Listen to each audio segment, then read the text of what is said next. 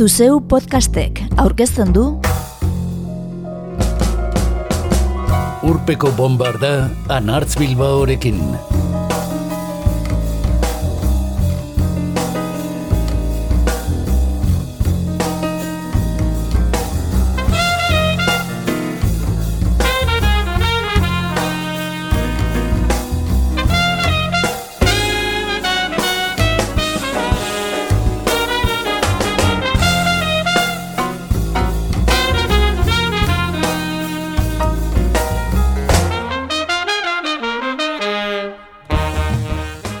Joan den 2008ko azaroaren hogeita amarrean hil zen. Irurogeita bosturte zituela Shane McGowan, de Pogues taldeko kantaria. Mikel Izarraldek berri egunkarian idatzi zuenez, Irlandako musika tradizionala punk espiritus mundu osora zabaldu zuena. Bere eta ospakizunetako irudiak ikustea besterik ez dago, herrikideek zioten miresmenaz jabetzeko. Urpeko bombardan, saio bat eskaini diogu Irlandarrari.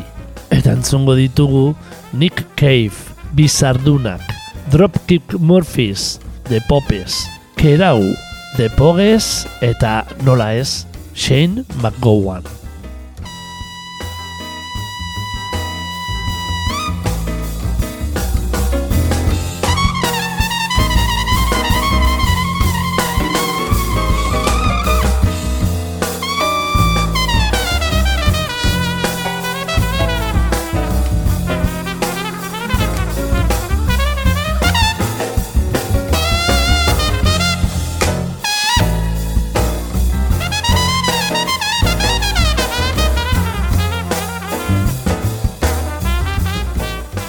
Shane McGowan de Pogues taldeko arima zenarren, mila bederatzen da laro maikan, taldetik kanporatu zuten gainontzeko kideek. Eta urte batzuk fokupetik aparte eman zituen Irlandarrak. De Pogues utzi eta urte bete geroago baina, mila bederatzen da laro mabian, saioa irekitzeko erabiliko dugun What a Wonderful World singela grabatu zuen, Nick Cave australiarrarekin batera. Louis Armstrongek ezagutzera emandako kantua. Bob Tielek eta George David Weissek idatzia da What a Wonderful World. Et trompeta joleak mila bederatzireun derurogeta zazpian jotako kantua. Eta hasiera batean arrakastarik izanez zuena.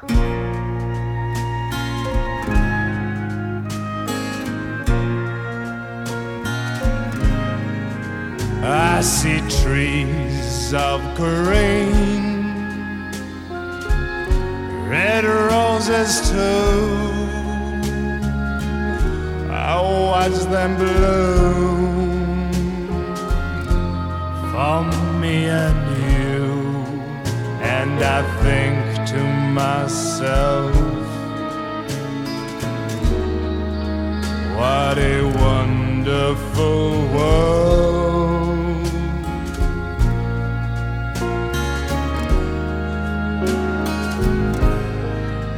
I see skies of blue, clouds of white,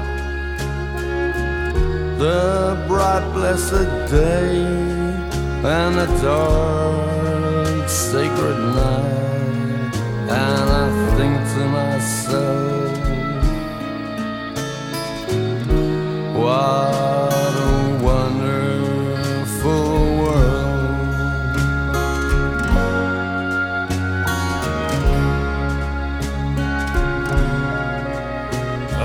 colors of the rainbow so pretty in the sky are also on the faces of the people passing by. I see friends shaking hands, saying, How do you do? What they're really saying is I love you. I hear babies cry. I watch them grow. They'll learn much more than I'll ever know. And, I think to myself, what a wonderful world.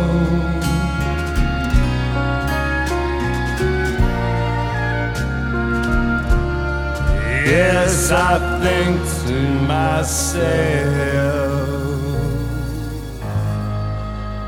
what a wonderful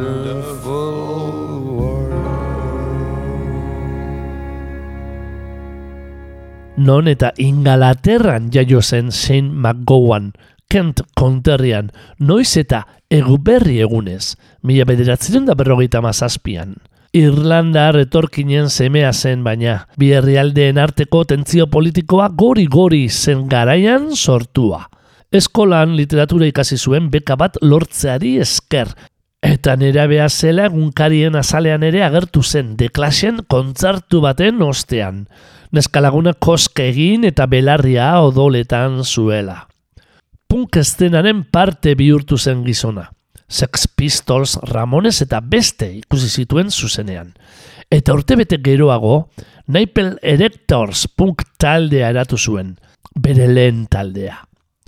Pogmozon hitzek eman musu ipurdian esan gurei dute gaelikoz, euskal talde baten izena ere izana da.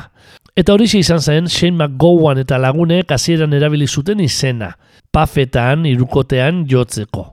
Horrela jaio zen mila bederatzi dunda larogitabian de Pogues, Spider Stacy, txirula jolea, Jen Finner, banjo eta gitarra jolea, James Fernley, akordeo jolea, Kate O. Riordan, basu jolea, eta Andrew David Ranken, taldekide zirela.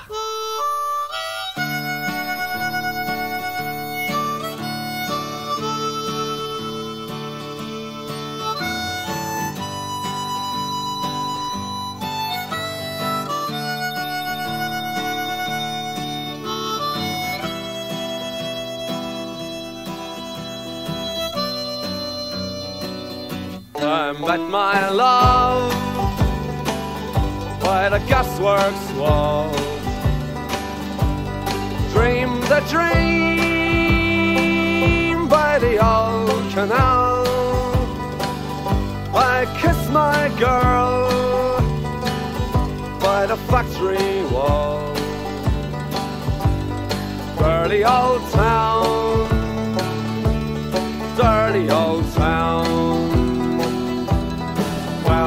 drifting across the moon. Cats are prowling on their beat. Springs a girl from the streets at night. Dirty old town, dirty old town.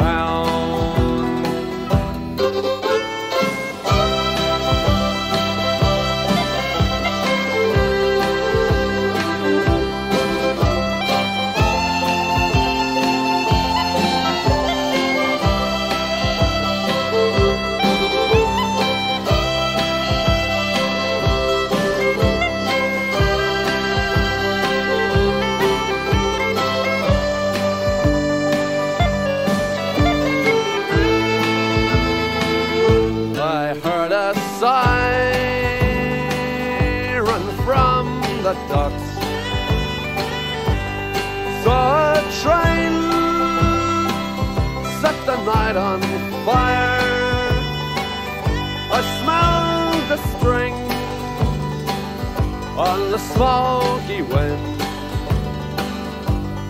Dirty old town, dirty old town. I'm gonna make me a picture box Shining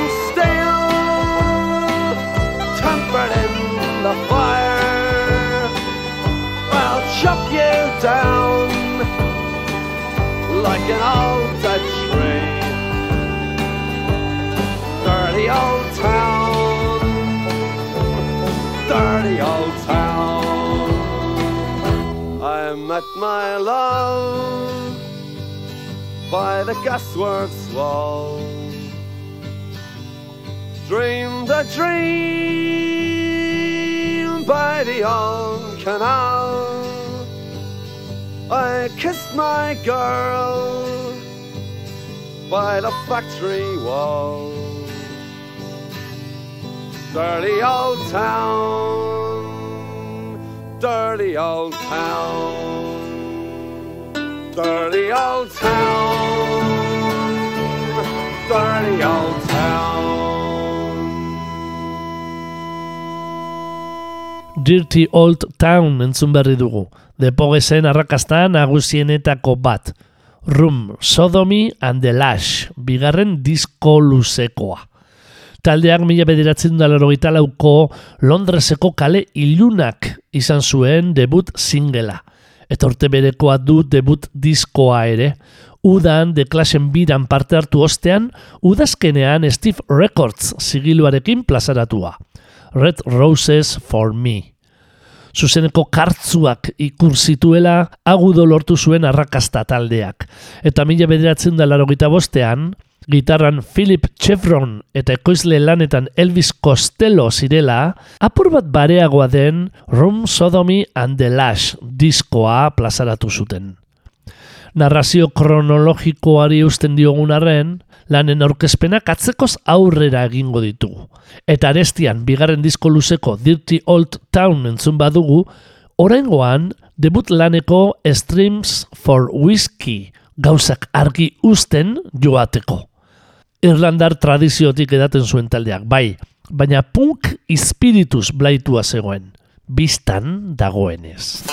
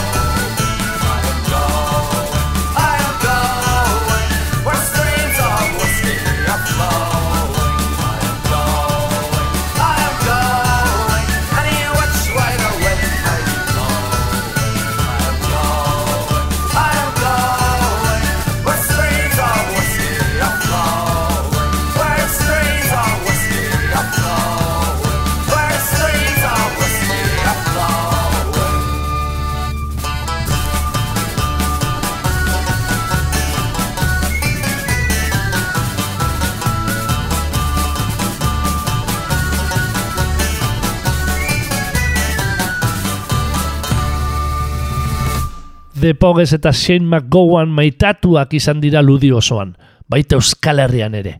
Haien antzera, folk musika punk espiritus jo zuen bizardunak talde nafar parrandazaleak, berbarako, Shane McGowan's Basque Paddies kantua plazaratu zuen 2000 bederatziko debut homonimoan, bizardunak.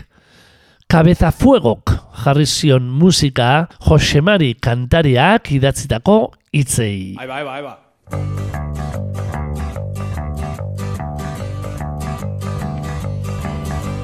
Egun sentian tabernak izterakoan Etxeran indoala.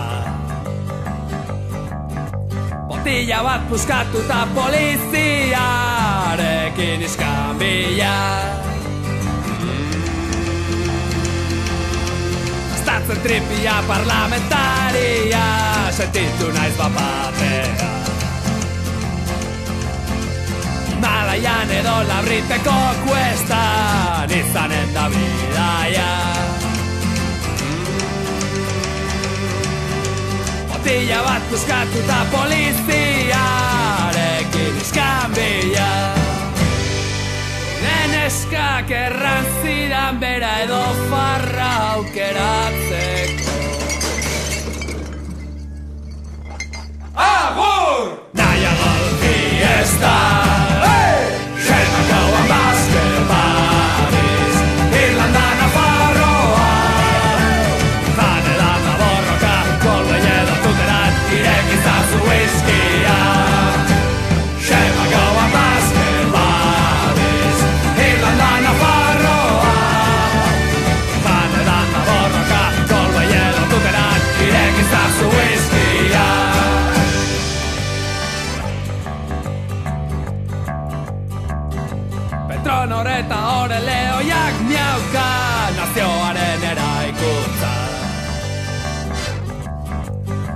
Erresuma futbol zelaia da orain gure buruak baloia. Plasteko ugari entzungo dira errespetuaren izenean. Fuck off, me cago en Dios! Pau Mahon Puto saluzikiña Trono reta ore Eraikuntza Geneskak erran zidan bera edo farra aukeratzeko Agur!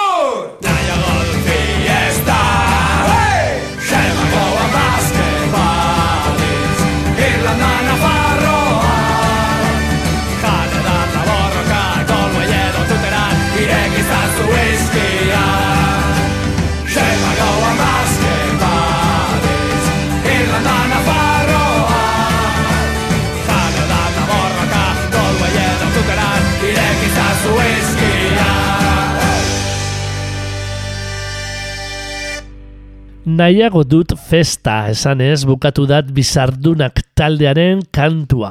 Depogesen kantarik emblematikoenetako bati keinu eginez.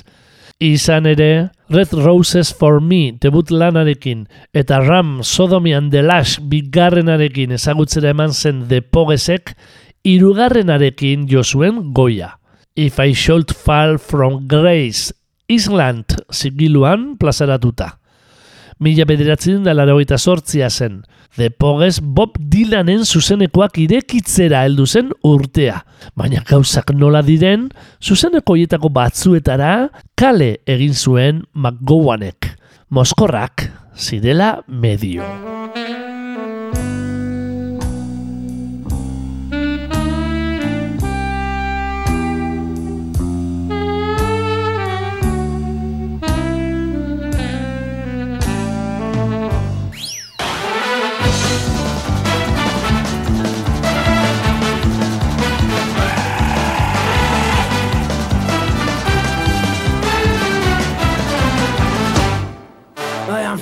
Pascal Garcia, and welcome to our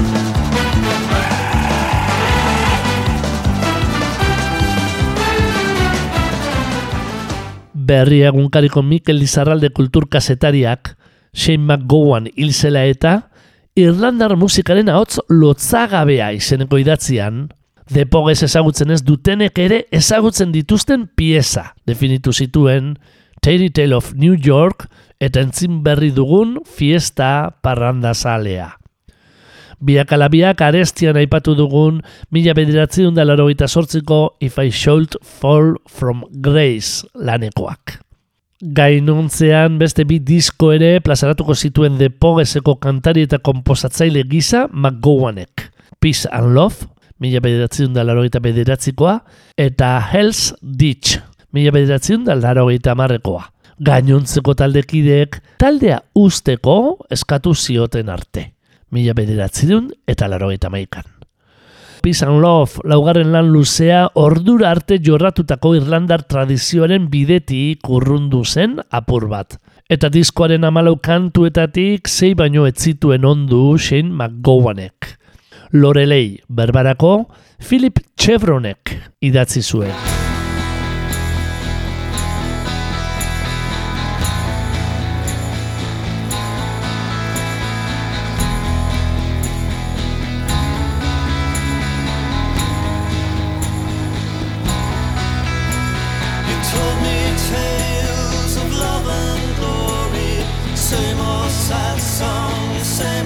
Story. Sirens sing no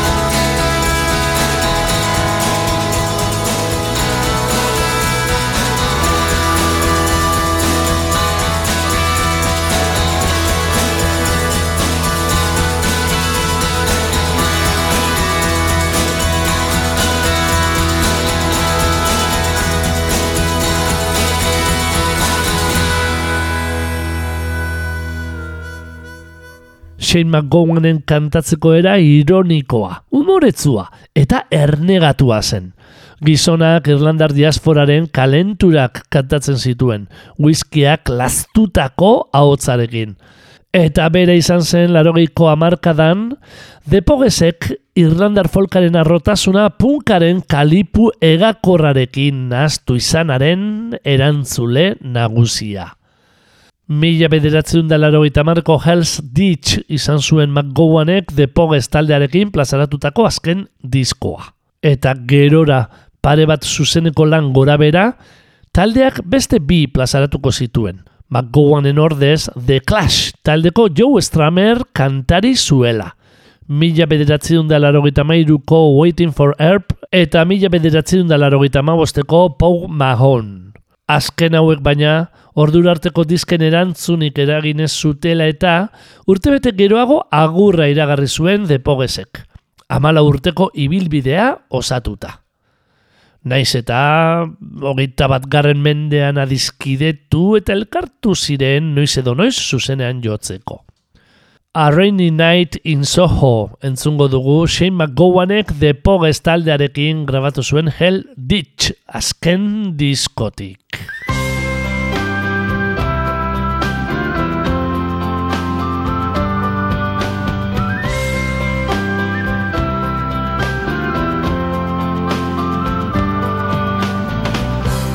I've been loving you a long time. Down all the years, down all the days. And I've cried for all your troubles. Smile at your funny little ways. We watched our friends grow up together. And we saw as they fell. Some of them fell into heaven. Some of them fell into hell.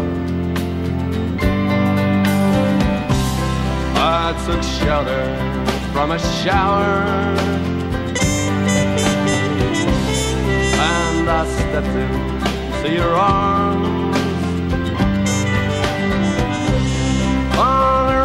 night in Soho. The wind was whistling all its charm. I sang it while my sorrows You told me all your joys.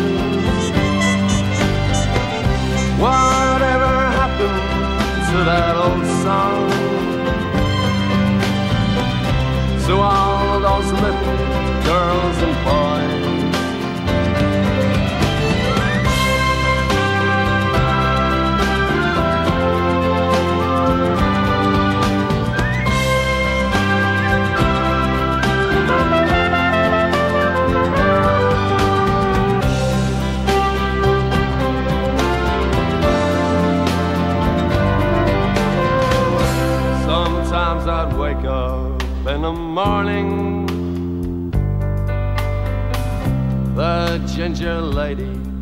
By my bed, covered in a cloak of silence. I'd hear you talking in my head. I'm not singing for the future. I'm not dreaming of the past.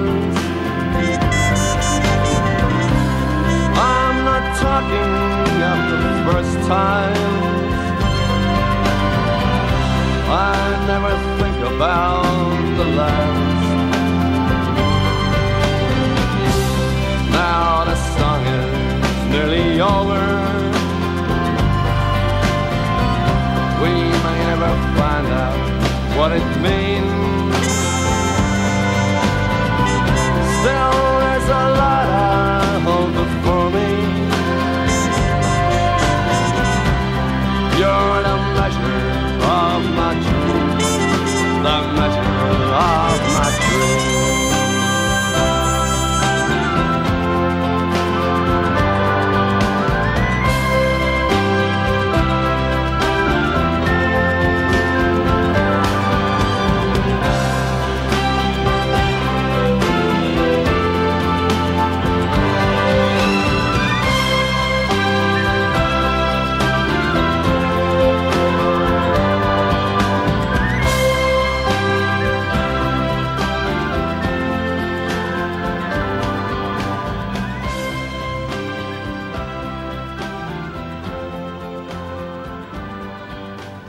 The Jam taldeko Paul Wellerrek edo Bruce Springsteenek mirestutako Shane McGowanek bidea zabaldu zuen The Pogues taldearekin eta jarraitzaile ugari izan ditu gerora. Arestian berbarako bizardunak taldean zun dugu eta jarraian Dropkick Murphy zantzungo dugu. McGowan berak lagunduta mila bederetzerun da laro maseian Ameriketako estatu batuetako Boston irian sorturiko Celtic Punk taldea da Dropkick Murphys. Eta bi mila eta batekoa dute kantatu ozen, kantatu arro izeneko diskoa. Good Rats gordetzen duena.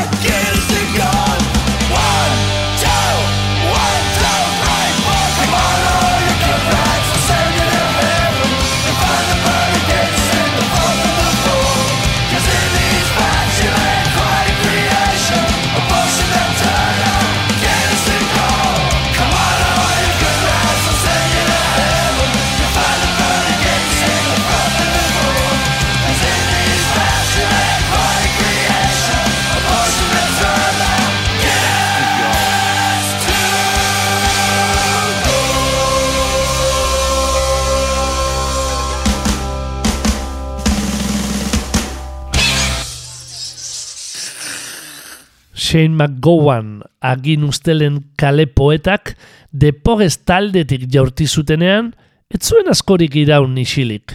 Eta laro gita marreko amarkada erdian de Popes izeneko taldea eratu zuen.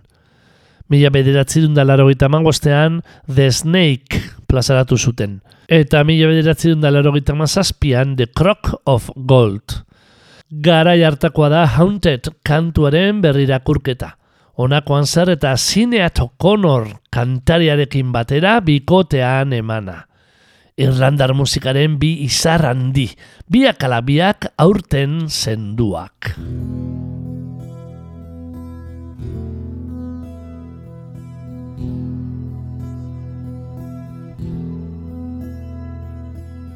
Do you remember that sunny day?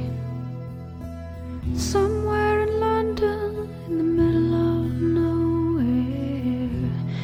didn't have nothing to do that day. Didn't want to do nothing anyway.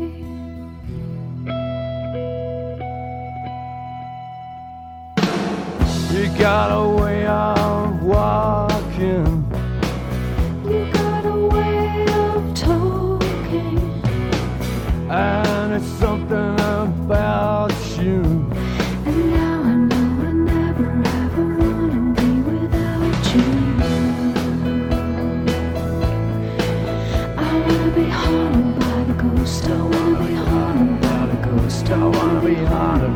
Ghost. Wanna be haunted by the ghost. of your precious love. Of your precious love. First time I saw you standing in the street, you were so cool you could have put out Vietnam. All the girls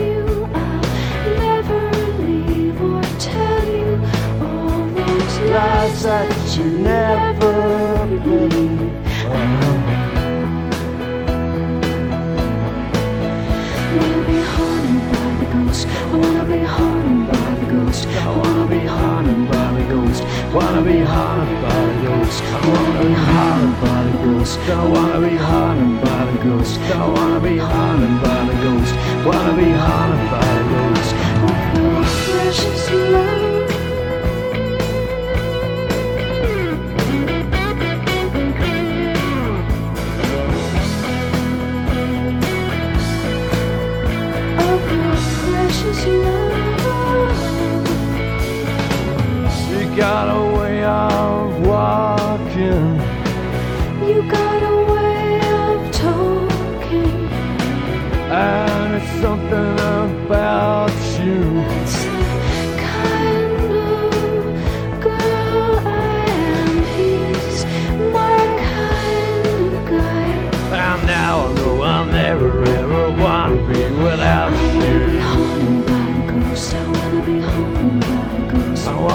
haunted by the ghost. I wanna be haunted by the ghost.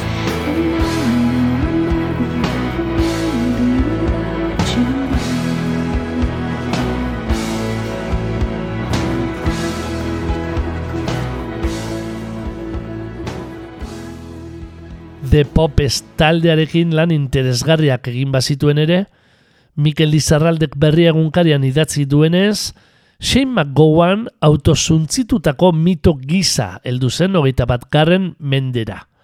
Haren itzala, etzen iraganekoa.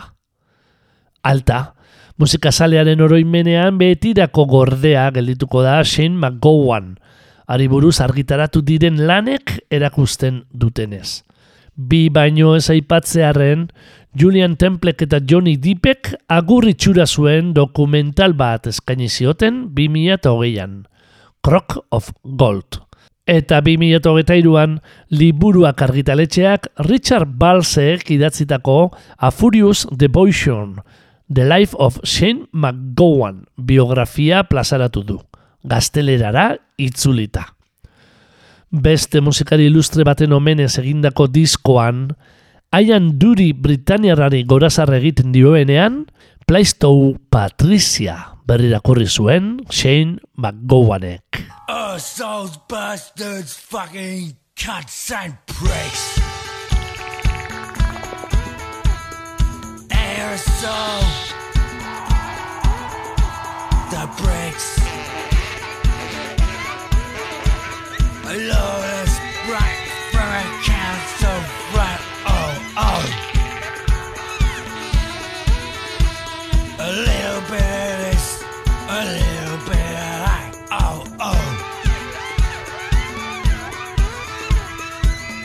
see trace from the morning road to the mastic beacon train. Putting stops and taking liberties. She liked it best when she went out west. Out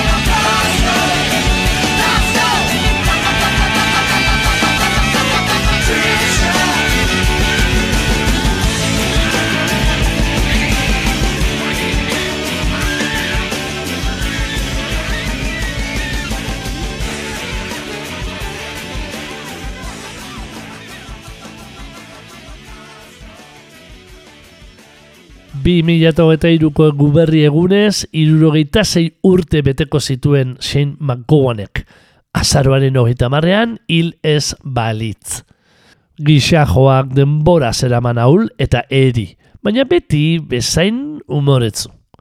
Gizonaren eriotzak maitasun keinu handana eragin zuen mundu osoan zehar. Eta asko izan ziren depogesen kantuak jotzera, plazetara atera zirenak. Bere hileta ospakizunetan, nenajeko apaisa den aita Pat Gilbertek, hausi esan zuen Shane McGowan poeta komposatzaile kantari eta bidegileari buruz. Gure inguruan gertatzen ari zena era ulergarri batean agertzeko gai izan zen.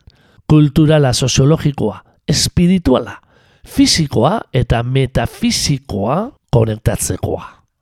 Shane McGowan musikari parrandazale gisa gogoratuko dugun arren, depogesen kanturik ezagun eta entzunena, izatez, Gabonetako kanta bat dugu. Fairytale of New York. Guk Irlandarraren omenez osatu dugun urpeko bombarda agurtzeko, geure ganatua entzungo dugu. Kerau taldearen berrirakurketan. Bilboko Kerau folk taldeak ahotzean Ibon Ordoñez zela zuzenean jo zuen abestia kafean zokian. 2008ko abenduan. Fairy Tale of Bilbao. Gabon gaba izan zen Moskortian lehotan Agure bat zegon Bere azkenetan Laboan kanta bat Hasi zen abesten Buelta eman nuen Zuta zamestean Bihotza dautau Arte hau guretzat Amets gozo izan zen Ubiok astea Beraz zorionak. Maite zaitut maite Ziur gure ametzak me te codigerás.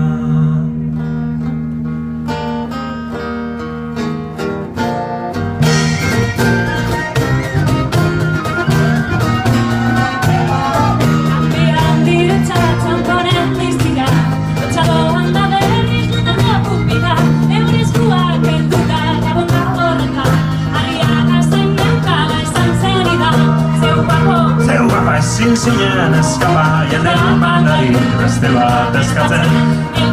Musuka bat ikusten alama Urrio dantzatzen. Autorako etzen abesten Zuten soberan Daigu berriko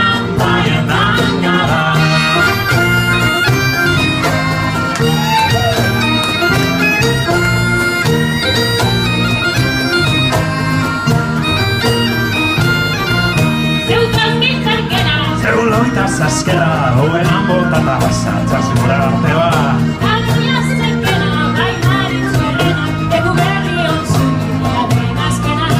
Atoratu etxera Bezten zuten zoneran Egu berriko